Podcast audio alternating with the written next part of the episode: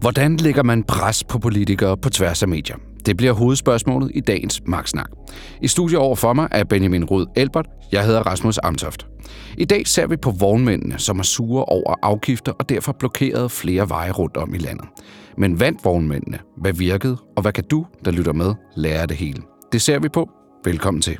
På tværs af medier.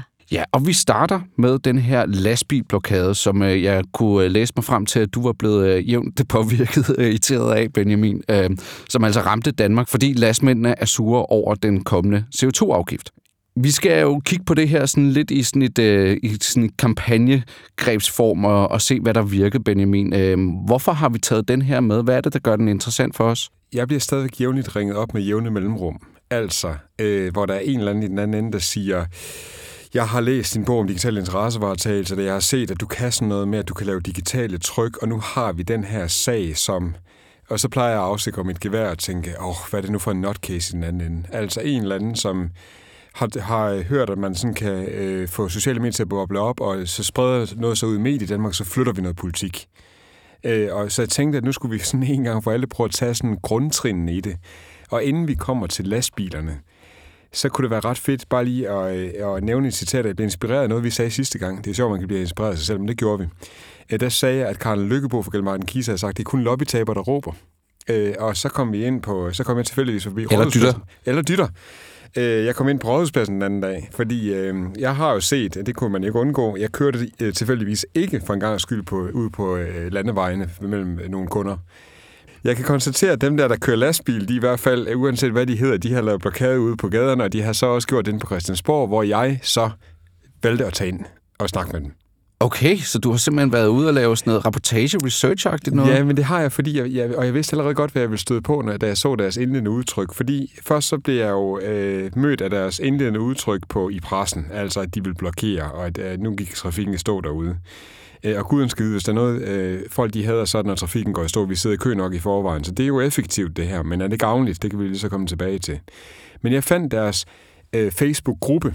De havde trods alt fundet ud af, at de kunne lave en Facebook-gruppe og ikke en Facebook-side. Der, hvor der er mange digitale sådan, trykker, der går i øh, problemer fra starten, der de tror, de skal have en side, men i virkeligheden, så skal de jo have en gruppe, der er meget, meget nemmere at administrere. Der kan man lige hurtigt melde sin øh, fætter fra øh, Slagelse og sin øh, øh, moster fra Nørre Bøvelser ind, og så ser det ud som om, det er intern volumen, hvor det ser ud som om, det er rigtig mange, der er imod det her. Den hedder så opråb. Punktum. Okay, og hvad er der problemer med det? Jamen, øh, allerede retorikken øh, når vi kommer ind, så hedder det Danmarks Rejs, ja, og opråb, punktum, og så bliver det sådan noget, altså sidste gang jeg så, der var noget opråb med, med effekt i, det var da der var et flyveblad ned i, øh, i den danske modstandsbevægelse, hvor der var et opråb. Øh, så det er sådan lige, nu tager vi så en retorik her, hvor, hvor det virkelig er, altså nu render vi med, at der virkelig skal øh, blod på kniven og gang i drangen, ikke? Øh, og det er der så også. Ind i den her opråbsgruppe, der er der øh, så øh, 492 nye opslag den seneste måned. Den er oprettet for cirka to måneder siden. Det vil sige sådan gennemsnitligt omkring sådan noget 250 per måned. Det giver sig selv, men, men øh, hele sådan... Øh, nu viser jeg bare lige hen over bordet her, retorikken. Nu gider jeg ikke at nævne, hvem det er, der har skrevet det her. Caps Lock kan jeg se i hvert fald til at starte med. Caps Lock. Og øh, altså, øh, det er, og det er noget med, med sådan nogle små til, hvordan man kan øh, undgå, at hvordan man kan obstruere politiet mest muligt, og sørge for at, at gøre det så svært for dem som muligt, når de så stopper de her chauffører derude. Nå, jeg tog ind på Christiansborg, velvidende, at jeg ville møde en eller anden, som så skulle øh, fortælle mig, øh, og øh, jeg, jeg, jeg havde habit på på det tidspunkt, for jeg kørte mellem to kunder, og ganske rigtigt kommer hen, tager et billede af den forreste vogn, og det der blokadeskilt, hvor der står, vi gør det for din og min fremtid, vi blokerer. Så kommer en af deres talsmænd hen til mig og siger, hvorfor tager du billedet af lastbilen? Og jeg siger, jamen det er fordi, jeg er interesseret i jeres kampagne. Og jeg regner ikke med, at jeg får noget ud af at sige til ham, at vi laver en podcast, og så skal vi så analysere på den. Så siger han, Nå, hvad synes du så om den? Og i sådan en hård tone, jeg siger, jeg synes, det er umiddelbart irriterende, at man bruger blokade øh, som, øh, som øh, kampagnevåben, men jeg synes, det er fedt, at I har lavet en kampagne, og I gør mig opmærksom på jer selv. Så kigger han sådan op og ned på mig sådan en rigtig elevatorblik, som om jeg er sådan en, øh, en tøs på 16, der er, øh, bliver beskudt af Jon Steffensen i egen høje person øh, elevatorblik hele vejen ned over habiten, så siger han, jamen du har jo også penge nok, og du er jo ligeglad med, om en, en liter mælk, den koster 2 kroner øh, i næste uge, eller om den koster, en, øh, om den har samme pris. Var sådan noget virkelig typebestemmelse, sådan noget øh, flad, ubehagelig retorik, hvor øh, jeg ikke var overrasket over øh, den dækning, der var på Ekstrabladet. Fordi der bliver Ole Birk blandt andet spurgt. Liberal Alliance Ole Birk, der tidligere har været rigtig meget efter stillagsarbejderne på grund af deres metoder. Han har endda sagt, at det var, øh, at de var øh, kriminelle i, i, i Klem, hos Clement på et tidspunkt. Det måtte han så trække, trække tilbage.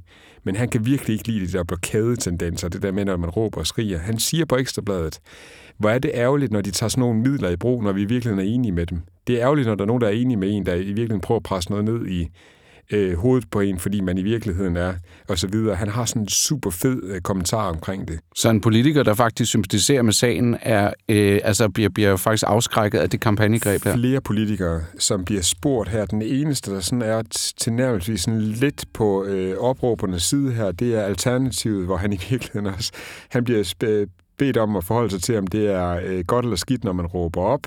Og så siger han, det er u- i udgangspunktet dårligt. Så siger han, hvad med Extension Rebellion? Ja, men øh, så øh, må man godt lige gøre, øh, og så videre. Så begynder vi at have en alternativist, der står og fortæller, at øh, det er faktisk okay at være civil ulydig. Det vi vil frem til her i en meget, meget lang snak, det her, det gør intet godt i forhold til den her sag. Det her, det er øh, nogle øh, vognmænd, nogle lastbilchauffører, som muligvis har haft et fedt sammenhold, men vi kender allerede øh, hele sådan skabelon for, hvordan man taber en lobbysag. Danske taxichauffører, de valgte på et tidspunkt at tage ind til Christiansborg, og så tudede de i hornene i deres taxaer. Det var rent tuderi, bogstaveligt talt. Og de, øh, blev bare, de udstillede bare deres egen manglende evne til at yde service i taxaer, manglende evne til at forstå, hvordan lobbyisme det skal udføres. For det her, det skal gøres meget mere elegant. Politikerne gider ikke preskampagner. En meget, meget kort sidste sætning på det her. Politikere, de vil medvirkes, de vil ikke påvirkes. Det her det er et pres, hvor det er meget, meget fint at lave de her små digitale tryk, men man er nødt til at have noget substans og noget ordentligt tone, for ellers så kommer man bare ikke igennem med nogen ting. På tværs af medier. Så kommer jeg jo til at tænke på, øh, da sygeplejerskerne for eksempel var møjsure over de vilkår, de havde på, på afdelingerne rundt omkring på hospitalerne i Danmark, og at de nedlagde arbejdet, flere af dem osv. Altså, øh, det er jo også i gåsøjne irriterende for dem, som, som, som ligger i på et eller andet sengeafsnit og ikke kan få den hjælp, de gerne vil have. Hvorfor er det, det så virket for dem, og ikke for de her lastvognchauffører? Jamen, fordi det, man kan så diskutere, om det virker, fordi det, Dansk Sygeplejeråd, de er i virkeligheden, altså, fordi de, altså den sag omkring deres lønninger, det er jo ikke en sag, de vandt. Hvis man kigger på, hvornår lobbytaber de taber, og hvornår lobbyvinder de vinder, så øh, var det ikke en sag, Grete Christensen, øh, talsperson, øh, klarede særlig godt, og det var ikke et tryk, som, som var særlig givende for dem. Mens BUPL'erne for eksempel, Elise Remter BUPL, som stod for øh, minimumsnummeringer nu, de lykkedes at kombinere råberiet med, at de også havde super fint lobbyarbejde ind mod SF, så det var Jakob Mark, det var Pia Olsen Dyr, det var og så videre, der tog det som mærkesag. Så de, de kombinerede i virkeligheden trykket, have det rene råberi. Og nu ved jeg godt, at, at jeg, tager, øh, jeg, jeg lige går lidt ud over landets grænser, så alligevel ikke. Men øh, i dag en ny bevægelse født, skriver øh, den grønlandske bevægelse 10.000 stemmer, øh, som var, øh, er en ny bevægelse i Grønland, inspireret af en million stemmer i Danmark, som jo er en øh, Monika Lylofs øh, øh, initiativ i forhold til at få handicapområdet væk fra kommunerne og forbedre bedre forhold for handicappede. Det vi snakker om her i programmet, hun fik samlet den her 1 million stemmer. Hun fik ikke en million stemmer på Facebook, men hun fik et borgerforslag igennem, fik øh, brugt alle de her digitale tricks. Og nu er en ny bevægelse så født på Grønland, den hedder bare 10.000 stemmer. De er så skaldet ned forholdsmæssigt i forhold til, at der er 3,6 millioner danskere på øh, Facebook i Danmark, og der er cirka 36.000 grønlænder på Facebook i Grønland. Det passer jo cirka meget godt, hvis man kan sin hovedregning en lille smule. En tredjedel cirka, man forventer opbakning fra. Yes. Så den her, den hedder så Tiliok Inuit Inalutiit og så videre, og den hedder bare på dansk Handicaptalsmanden. Det er super fedt så er det en, en ny bevægelse, der er født, og den har faktisk allerede det lykkes dem, fordi de laver øh, god, solid retorik, så har de, stadig, så har de allerede fået 5.100 følgere. Desværre har de bare oprettet en Facebook-side og ikke en gruppe. Mm. Så der, som det Monika Lillhoff kunne, øh, da hun lavede gruppen og fik øh, samlet en masse stemmer derinde, som hun kunne mobilisere rundt og lave, øh, få sat borgerforslag op, der har de altså lavet et lille forkert platformsvalg. Hvad er det? Kan du ikke lige, sådan lige udpensle, øh, måske jeg vil jeg tage udgangspunkt i det her konkrete eksempel. Jeg kommer også i øvrigt til at tænke på Langeland står sammen, altså der, hvor det, der var udrejsecenter, skulle placeres. Øh, hvad, hvad, er det, hvad er det, en Facebook-gruppe helt, helt alvorligt kan, i, som en Facebook-side kan? Er det ikke næsten det samme? Nej, for en gruppe, den spreder sig som en steppebrand. En administrator, der opretter en Facebook-side, det er sådan en, hvor man skal gå ind og synes godt om den, eller følge den, og så skriver administratoren som den eneste med, med skriveadgangen ud, og prøver at se, om der kan komme gang i den. Men, men de her stakkels handicaptalsmænd på Grønland, de får kun syv likes per post. Mens en gruppe, det er jo sådan et græsrodsinitiativ, hvor man kan melde sig ind, man kan invitere øh, Gud og hver mand. Den vokser lynhurtigt, den antager lynhurtigt i volumen af sådan noget rigtig, rigtig mange. Øh, og så kan de lave underskriftsindsamling. Alle kan oprette opslag derinde. Det vil sige, det vi så i, øh, i i Langelandssagen, det var jo, at alle lige pludselig blev medinitiativ initiativet, så jeg fik medejerskab på det. Så hvis vi lige går tilbage til, nu er det ikke fordi, jeg skal sidde og recitere alle mine bøger, men, men øh, fra modtager til medtager handler om, hvordan man bliver, får gjort folk til medtager af et budskab i stedet for. Der er en gruppe væsentligt federe, fordi de selv kan være administratorer. Altså, de bliver ikke fysiske administratorer, men de kan selv slå noget op på væggen, hvor det er en gruppe, som er sådan lidt mere, til gengæld sådan svær at styre. Så det er sådan en gruppe, der kan stikke af. Den kan jo blive øh, øh, autonom. Det, lige pludselig så kan de bestemme sig for, ligesom det sker her for øh, opråbs at lige pludselig så er der nogen, der stikker af med tonen, og så beslutter de sig virkelig, for at det skal være sådan et øh, nærmest øh, anti-politi-militaristisk øh, øh, øh, foretagende i stedet for. Og administrator sidder der og tænker, hvordan får jeg styret det? Så der er fordele og ulemper ved alt. Men Facebook-siden, den er altså lavet til kommersiel brug. Det er en side, som Nike skal have, eller Coca-Cola, eller Dumle Karameller hvor de selv styrer øh, øh, kommunikationen og bruger annoncekroner til at trykke afsted med. Så du kan simpelthen tage et forkert platformsvalg. Det du kan gøre her, det er, at du kan komme til at tage et forkert platformsvalg og et forkert tonevalg helt konkret. Og der har lastbilchaufføren, de har taget et forkert tonevalg med et rigtigt platformsvalg, mens grønlænderne her, handicaptalsmanden, har taget et rigtigt tonevalg, men de har taget et forkert platformsvalg. Det skal jo så ikke være let. Så lige for nybegyndere. Man opretter gerne en hjemmeside først, hvor der står, hvad det er, man, man, hvis man kan finde ud af det, og der står ens øh, øh, politiske standpunkter så formelt som muligt, så godt som muligt i en fed tone, som er indbydende, som medvirker politikerne. Så begynder man at kigge på digital tryk, så vælger man Facebook-gruppe, så begynder man at lave underskriftsindsamling. Enten digital, hvis ikke man kan lave den fysisk. En fysisk vil altid have mere slagkraft, fordi det kræver flere kræfter, det er mere imponerende for politikerne, hvis man samler fysiske underskrifter. Så kan man begynde at lave borgerforslag, så, så øh, man kan få folk til at skrive under på det her. Det har Imran Rashid lige gjort omkring, at vi skal sørge for, at tech-giganterne de ikke stikker af med os. Og det vil sige, at man har nogle forskellige ting, der kan generere noget volumen, og dermed presse øh, historier. Lige pludselig så bobler det op og bliver stort. Embedsmanden inde i et ministerie, han ser ikke, øh, at der er en eller anden Facebook-gruppe, der, der bobler op og får 24.000 følgere. Men han ser, at når den bliver beskrevet i pressen, at der er et nyt initiativ på vej som følge af, at det her det har boblet op. Og pressen skriver først om det, når det antager en vis volumen. Til gengæld, politikeren kan godt se, at der er pres på. Også fordi politikeren færdes på sociale medier, så i virkeligheden kan de godt blive ramt af gruppen, og de ting, der kommer ud fra den. Ligesom man kan jo de her opråbs de kunne jo vælge at sige, gå lige over på alle trafikoverførers eller transportoverførers væg og skriv til dem, hvad det er, vi, hvorfor det er, vi blokerer vejene. Øh, man kan også sige, at det, det er en, også en volumen at skabe så meget kø som muligt på de danske landeveje, men det er ikke det, jeg mener med volumen. Volumen, det er små digitale tryk, der kan boble op, viser, at der er rigtig mange, øh, der står bag det her. Altså efter den klassiske x antal personer kan ikke tage fejl, så derfor skal du lytte. Vi står sammen, vi er en million stemmer. Øh, jeg plejer at grine, øh, grine med respekt over for, for navnet en million stemmer, fordi det er jo sådan noget, en million milliard stemmer det, det, er bare et, det er så højt tal, man kan finde. Øh, en milliard stemmer vil være mærkeligt, så vi tager en million stemmer. Derfor er det skide sjovt at se 10.000 stemmer på Grønland, hvor de så har lavet den fede tone. De er bare glidet i platformen, så de kommer ikke rigtigt. Nu fik de så øh, den lille øh, notits på Samitsiak, den lokale øh, grønlandske avis, eller den toneangivende grønlandske avis.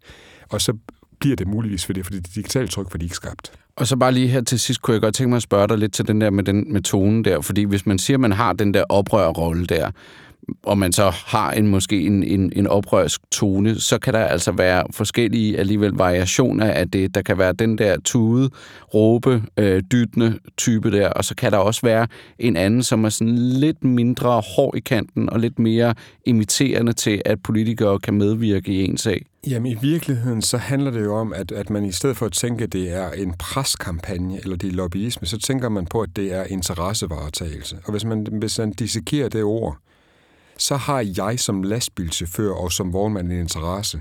Men interessevaretagelse går ud på, at vi skal udveksle interesser. Jeg skal finde ud af, hvad politikernes interesse er, og hvad samfundets interesse er.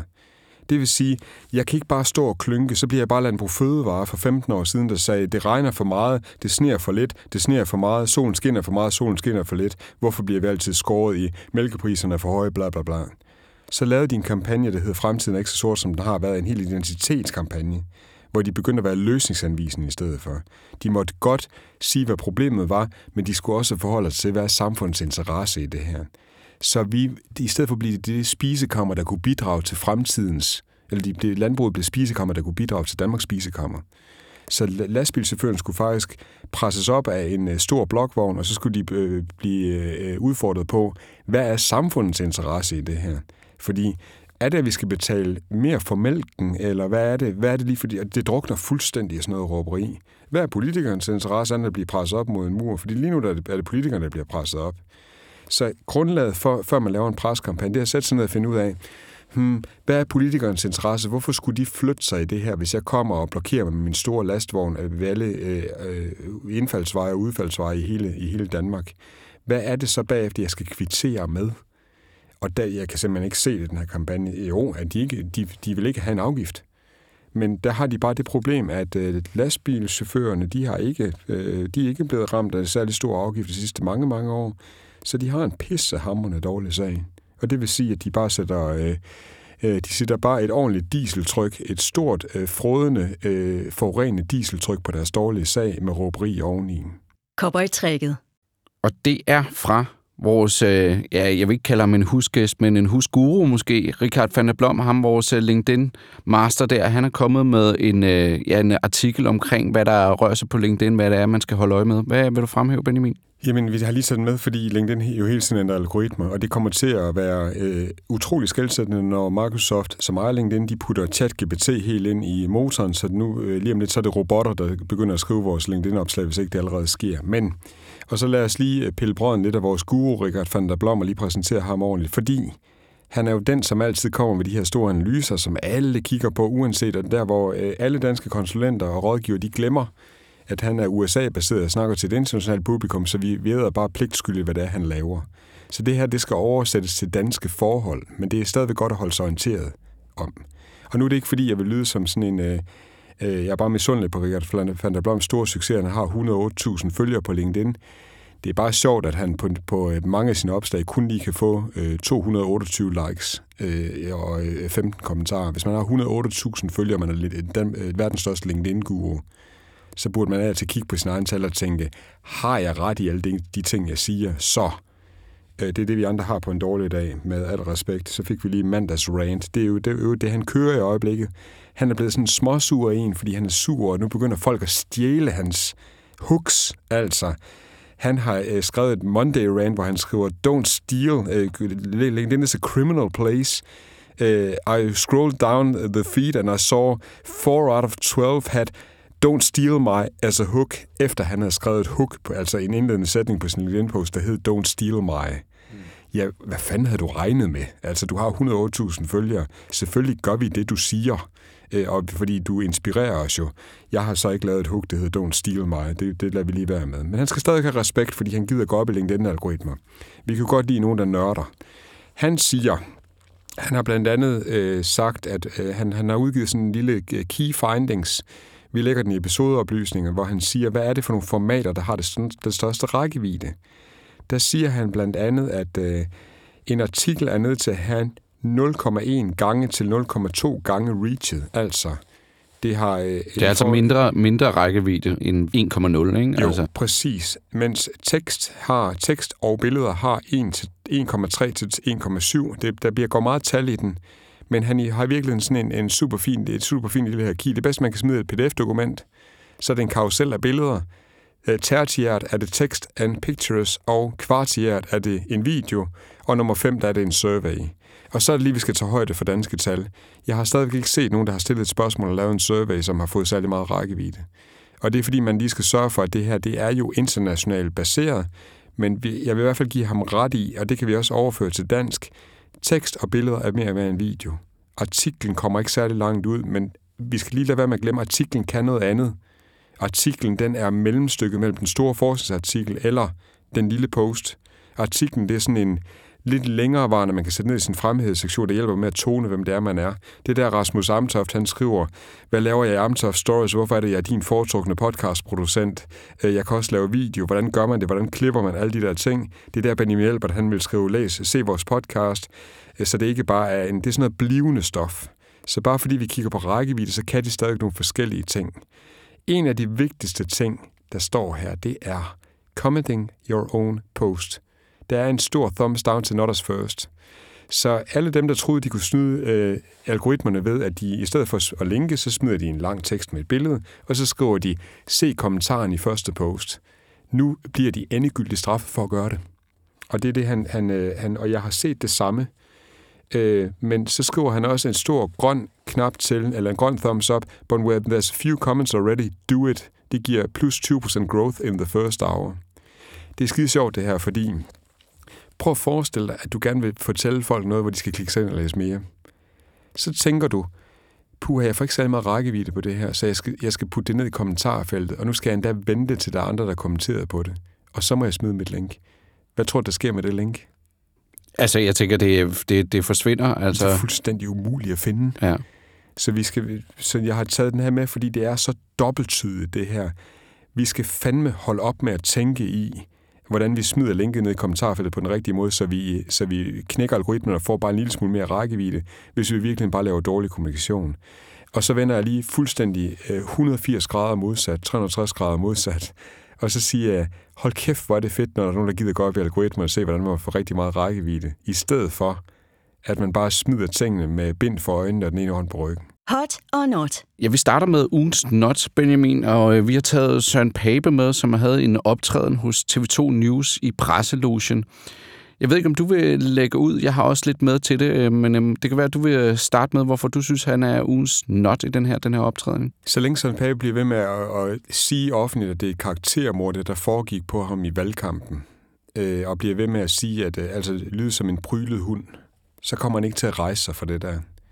Øh, og det vil sige, at øh, hvis man, skal, man skal faktisk se presselogen af, af to grunde. Man skal selv føle, hvordan man får øh, dyb sympati med Søren Pape og tænker, øh, det er fandme synd for ham, at han kommer under så meget pres i en valgkamp, og han kunne have blevet, det kunne have blevet så meget mere, vi forstår godt, øh, we feel your loss, we feel your pain. Og så skal man se det af den grund, at man skal se, hvordan en prylet hund bliver ved med at, at lave trafikuheld, eller hjulspind i trafikuheld. Fordi det er simpelthen det, der sker. Ja, og altså det peger jo også ind i substansen i historien, ikke? fordi Søren Pape, han var jo i den her presselogen på, på TV2 News forleden for at forsvare beslutningen om at censurere fotografen Claus Holsten, der havde fulgt partiformanden under valgkampen i 2022. Han havde også fulgt ham tidligere. Øhm, men altså det her, det var en optræden, der kunne være bedre, fordi altså det, det, det, de snakker om, det er jo, at øh, altså i hvert fald Søren Papes fortælling, det var, at han kunne ikke overskue det. Det var, det var for voldsomt et tryk. Øh, det gik, øh, altså han, han blev øh, skilt undervejs øh, det, i, i, i valgkampen, og den her fotograf var altså helt inde og tage billeder af de reaktioner, der var også på de dårlige meningsmålinger og, og alt den virak, der var omkring Søren Papes person på det tidspunkt. Og det sagde han altså nej til, at de her billeder, de skulle komme ud, de her fotografier skulle komme ud. Mm. Og det kan man godt forstå, at øh, man kan godt forstå, at de, de øh, hiver et stik. Der skal, det, han, han, øh, den pågældende fotograf, han oplever lige pludselig, at, der, at han faktisk bliver ghostet. Altså, øh, at han øh, ikke kan få, få svar fra den særlige rådgiver øh, på, om øh, hvad der skal ske med de sidste billeder, og hvorfor han ikke må deltage i den sidste, altså i de sidste dage, hvor det hele bryder sammen. Ja, og det er jo også, og det, det, det der jo så er spøjs i den her preslogen, det er jo at Søren Papes argumentation, og det vil jeg i hvert fald godt lige anholde lidt her. Altså, hvordan er han blevet forberedt på det her interview? Fordi hans argumentation er jo så, at det var umenneskeligt, og det var hårdt osv., men så siger han, gud hjælpe mig lidt senere i interviewet, jeg, jeg, jeg, jeg kan citere det faktisk her. Jeg vil næsten ønske, at et hvert menneske kunne komme ind og opleve, hvilket umenneskeligt pres vi har været udsat for. Jamen, det er jo lige præcis det, ham fotografen gjorde. Han var jo inde og dokumentere det. Han kunne vise det. Ja, jeg synes også, at, øh, altså, jeg synes, at konservative er helt forkert på den her. Jeg synes, at, øh, at de har misset for det første et, hvorfor siger de nej til, at man kan få, de kunne få rigtig meget sympati på baggrund af alle de lidelsesfulde billeder, hvor Søren Pape han viser sig som et menneske til sidst, der i virkeligheden bryder sammen, eller er meget, meget tæt på at bryde sammen, men stadigvæk bliver stående. Øh, så han har været igennem sit livs storm. Så vil man jo tænke, okay, nu har han fået øh, den røg for alle de øh, synder, han havde begået ved at påstå, at hans mand var nevø til den Dominikanske Republiks præsident, og hvad der ellers var, alle de der ting. Og det kan folk jo alligevel ikke rigtig huske, de der omstændigheder og sådan noget. Det er jo mere følelsen, så hvis vi så de her fotografier nu, ja. ikke? Altså, man vil få sympati for. Men, men jeg vil også godt bare lige anholde, hvorfor stiller en partiformand op i presselogen? Hvorfor i alverden spiller de det ultimative kort, der hedder partiformanden, hvor han skal stå der en søndag formiddag og stå og svare på det her? Hvorfor dog gøre det? Altså, det, det er sådan helt... Øh, normalt, når øh, vi arbejder i politik, så, så ved man jo godt, at man har et, et, et spillekort på hånden. Man har et sæt kort, ligesom når man spiller skak, så har man en bonde, man offrer for os. Det er en lettere, så har man lettere officer. De er tre bønder hver, så har man tårn, der er fem bønder hver, dronningen er ni, og så kongen, det er spillet. Så man ved godt, at man ikke rykker kongen midt ud på brættet fra starten, fordi det kan godt være, at det er faktisk den, der er den stærkeste på brættet, men den er stadig den mest sårbare. Og den må man jo ikke miste, så mister man jo spillet. Ja, du eskalerer jo faktisk situationen ved at smide ham på skærmen, i stedet for et eller andet, som kunne snakke om processen, som jo det her egentlig i virkeligheden handler om. Ja, men det er fordi konservative åbenbart ser en mulighed for, at han kan vinde på den der klynkehistorie. Men det kan jeg love jer for, for, at det kan de ikke, og det vil jeg godt øh, bede, det vil jeg godt opfordre dem til at teste. Fordi hvis man tester det, så vil man bare sige, okay, nu har vi set klynkepape her, kunne han ikke se at komme videre? Det er sådan en forsmået ekskæreste, som bliver ved med at køre rundt i, at man engang øh, stjæle personens hamster et eller andet, vi, og vi glemmer fuldstændig, hvad konservativ står for politisk. Så længe øh, Søren Pape han optræder på den der måde, så kommer konservativt til at, at, at ligge på et naturligt maksimum. Og det kan vi se i meningsmål. De sidste mange voksmediemål, de har været fra 5,1 til 6,4 procent point. Og det vil sige, at øh, vi kommer ikke til at se noget på noget tidspunkt, før Pape han siger, nu skal vi videre. Der kommer vi ikke til at se et tal, der er tilnærmelsesvis to cifre eller bare op på 7 procent. Og så vil jeg også bare lige sige, hvis man er partiformand, og man har det lidt hårdt, og meningsmålingen ikke ser så godt, der er lidt muren i krogen i partiet, så skal man bare ikke sige, så skal man ikke sige øh, sætningen, når jeg en dag stopper i politik, eller om nogen, når jeg stopper om nogle år i politik. Hmm. Altså, det, det, det, jeg, kommer, jeg kommer til at tænke på med Jacob Ellemann, da han trak sig som gruppeformand. Det var altså på et tidspunkt, hvor det også så virkelig slemt ud i Venstre. Og men det giver sådan en gib ind i en. Det ligger lige sådan en lille sten på den der bunke af en masse fortællinger, som bare skygger for alt det andet, man gerne vil fortælle. Ikke? Mm. Ja, det er det skidt. Og derfor er det ultimativt ugens not. Øh, og det er... Øh, jeg siger dem blødende hjerte, for jeg kan godt lide dem, og vi har jo selv hjulpet dem i perioder. Det gør vi ikke længere, men, øh, men det er altså Søren Pape, der får ugens not her, hans folk. Cool. Og så var det, øh, jeg vil bare lige sige, det er bare lige sådan en sidebemærkning, også det der med, altså, altså fakta havde de jo så åbenbart heller ikke styr på, for han står jo og siger i interviewet, at de har set billederne, men det har de ikke. Nej. Altså, så han er jo ikke engang pakket ind med fakta. Det ligner, at de lader ham hænge derude i Viborg og bare fuck sig selv op og skyde sig selv i foden. Altså. Men det skal du have med jo. Okay. Jamen så... Øh... Men det har du lige sagt, det kan du godt klippe ud det der, for nu lytter jeg til, om du kunne klippe det ud. Det kan du godt. Kan man godt det? Ja, det kan du godt. Okay. Det synes jeg bare, du skal klippe ind. Så, øhm, jeg... Og, jeg, og jeg, er helt, jeg er helt enig. De har heller ikke styr på fakta. Han bliver spurgt om, at han, om han har set billederne. Mm. Og så kommer der sådan et langt vævende. Nej, det har han ikke, fordi det er jo ikke rigtig hans opgave. Han er jo andet og så videre. Men hvorfor er det samme, der står og forsvarer det? Så konklusionen er, at fortællingen var der ikke styr på. Hvad er for en fortælling er man en del af? Det fortsætter med noget klynkeri, hvor man siger, at der er begået karaktermord. Der var heller ikke styr på argumentationen. Han kommer til at skyde sig selv i foden lige pludselig. Og der var heller ikke styr på fakta. Søren Pape får ugens not. Hot or not? Øh, det var faktisk dig, der havde bedt om ugens not øh, her, og sagt, at det, vi er nødt til, at det skal være Pape, hvor jeg lidt modvilligt sagde, ja, det kan jeg faktisk godt se, det er. Så nu siger jeg også til dig, nu tager du så også ugens, ugens hot, for det er også dig. Og det er en podcast, det er øh, faktisk formanden for ADHD-foreningen, Manu Seren. Han har lavet en podcast, og øh, den synes jeg simpelthen skal have ugens hot, fordi det er altså rimelig godt gået. Den har for det første rimelig god traction, altså der er mange, der lytter til den. Den ligger nummer et på, på flere lister over de mest populære podcasts. Og den her podcast, det er jo så, altså Manu Soren skal jeg måske lige hurtigt sige, for dem, der lige har glemt det, det er altså en tidligere minister, radikal minister, øh, som selv fik diagnosen med ADHD som 50-årig. Og, øh, og hvorfor er det her ugens hot? Altså, vi, vi snakker altid om det her med, at kommunikation skal løse et problem. Og, øh, og det, der er for ADHD-foreningen, som jeg også har haft et lille streg for samarbejde med på et tidspunkt, det er, at der er enormt mange misforståelser og fordomme ude i samfundet øh, omkring ADHD og ADD. Og så hvorfor vælge en podcast i sådan en sammenhæng? Hvorfor vælge det, når man har en masse misforståelser og fordomme derude i samfundet? Jamen fordi netop det format, altså podcastformatet, giver dig mulighed for at udfolde nuancer. Du har tid til det for det første. Mediet giver den her intimitet med lytteren også. Altså, du kommer ind, og det handler om ens, altså menneskers indre liv. Det er jo psykologer, han inviterer ind. Det er børn, der har ADHD, han snakker med. Altså, det giver en intimitet, og du har tiden til at udfolde de her nuancer. Øh, og så passer det jo også godt. Nu kommer jeg, og nu er jeg jo, kommer jeg på banen med, med et af vores yndlingsord i marketingmixet øh, for, for ADHD-foreningen. Fordi ja, det er rigtigt, når du gå ind og, og, og berigtige, øh, berigtige nogle samtaler på, lad os sige, det er en eller anden politiker, der, der, der udtaler sig på Twitter lidt unuanceret omkring ADHD, eller en leder, der skriver et eller andet helt, øh, helt åndssvagt omkring det, jamen så er det rigtigt, så skal man være ude og berigtige. Så skal man være klar, og det er et medielandskab, der går hurtigt, og det er ikke nødvendigvis det, du bruger podcasten til. Men substansen, den fortager sig let i sådan en diskussion. Og her er det altså godt at have en artikelbund, som vi har snakket om rigtig mange gange. Altså øhm, det her med, at man står på et eller andet substantielt, som man kan henvise til, hvis det er, at man har brug for at henvise til noget mere substans. Jeg sidder og leder efter øh, en artikel, jeg faldt over den anden der. Jeg vidste jo ikke, at det var den her hot, du havde med, skal jeg lige sige. Der læste jeg en artikel, hvor jeg sådan nikkede til, at der var en, der havde kritiseret øh, nogle influencer på, på TikTok for at lave sådan noget Øh, sådan en hurtig øh, short video om, derfor har jeg ADHD. Øh, hvad er fem tegn på, at jeg har ADHD? Jamen, jeg nuller hele tiden med det hår og nuller med mine fingre. Og jeg har også øh, jeg har en tendens til at være meget højlydt, og sådan lidt, hvor de bliver kritiseret for. Det var simpelthen for let købt. Altså, det var ikke... Så, så havde alle skulle have ADHD, eller også så ville man misforstå det, fordi det simpelthen blev for short form. Det, og det er jo lige præcis det, der er kernen her, fordi en af fordommene er, at jamen, det er jo sådan en, alle har. Altså, alle har ADHD. Er det ikke bare drenge, der ikke kan sidde stille og sådan nogle ting? Så det der med at blive inviteret indenfor, lidt ligesom i en Facebook-gruppe, man kan også mærke fællesskabet i kommentarerne til, når han slår op, og der er kommet et nyt afsnit, eller bare inde på, altså på, på Spotify og Apple, altså i kommentarerne under hans, hans øh, podcast-side der er altså, man, man, man kan mærke, der, der, der er resonans i det her. Folk, de føler sig set og hørt.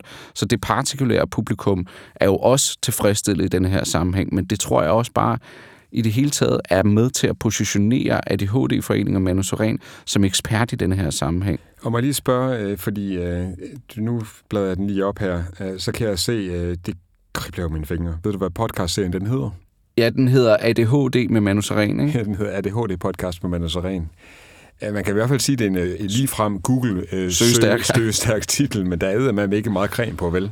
Altså, hvorfor ikke sådan noget, hvad nu man nu, eller et eller andet? Altså, kunne man ikke have lavet et eller andet, hvor... Altså, der skal lige en tekstforfatter i gang. Det, skulle være, det kunne være, at vi skulle udlade sådan en pose kaffe og en halv kylling øh, og en sidegevinst til dem, der kan finde ud af at lave en ordentlig podcast-titel til det her, fordi det er godt nok øh, Google-algoritmevenligt, men meget lidt, øh, sådan, øh, der er ikke meget lige i luften, vel?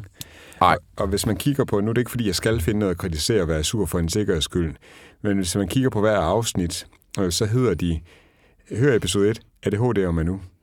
Øh, hør episode 2, ADHD og fakta. ADHD ja. og børn, ADHD medicin, ADHD og de stille børn man kunne godt lige spejse det lidt op, ikke, var? Ja, og podcastens oplysninger, det, der, der er mangel på mellemrum og øh, alt muligt gøjler, det, så må man også lige kunne finjustere. Plus, man skal jo selvfølgelig også lige passe på, at man ikke hele tiden laver opslag, hvor man linker direkte til den episode, man har lavet. Det gør han også, men han har fået masser af traction. Han kunne bare få meget mere, hvis han lige mixede det lidt ja, op. godt. Det skal ikke tage noget fra ham. Det lyder som om, at du har fået ugens hot, og den er hot hot. Så det er en, øh, en rigtig fin lille hot at slå af på her. Det var alt for denne gang. Benjamin Elbert og jeg vender tilbage med politisk kommunikation og interessevaretagelser på tværs af medier igen. Du har lyttet til et afsnit Magtsnak på tværs af medier. Et afsnit, som er produceret af Amtoft Stories. Jeg hedder Rasmus Samtaft. Tak fordi du lyttede med.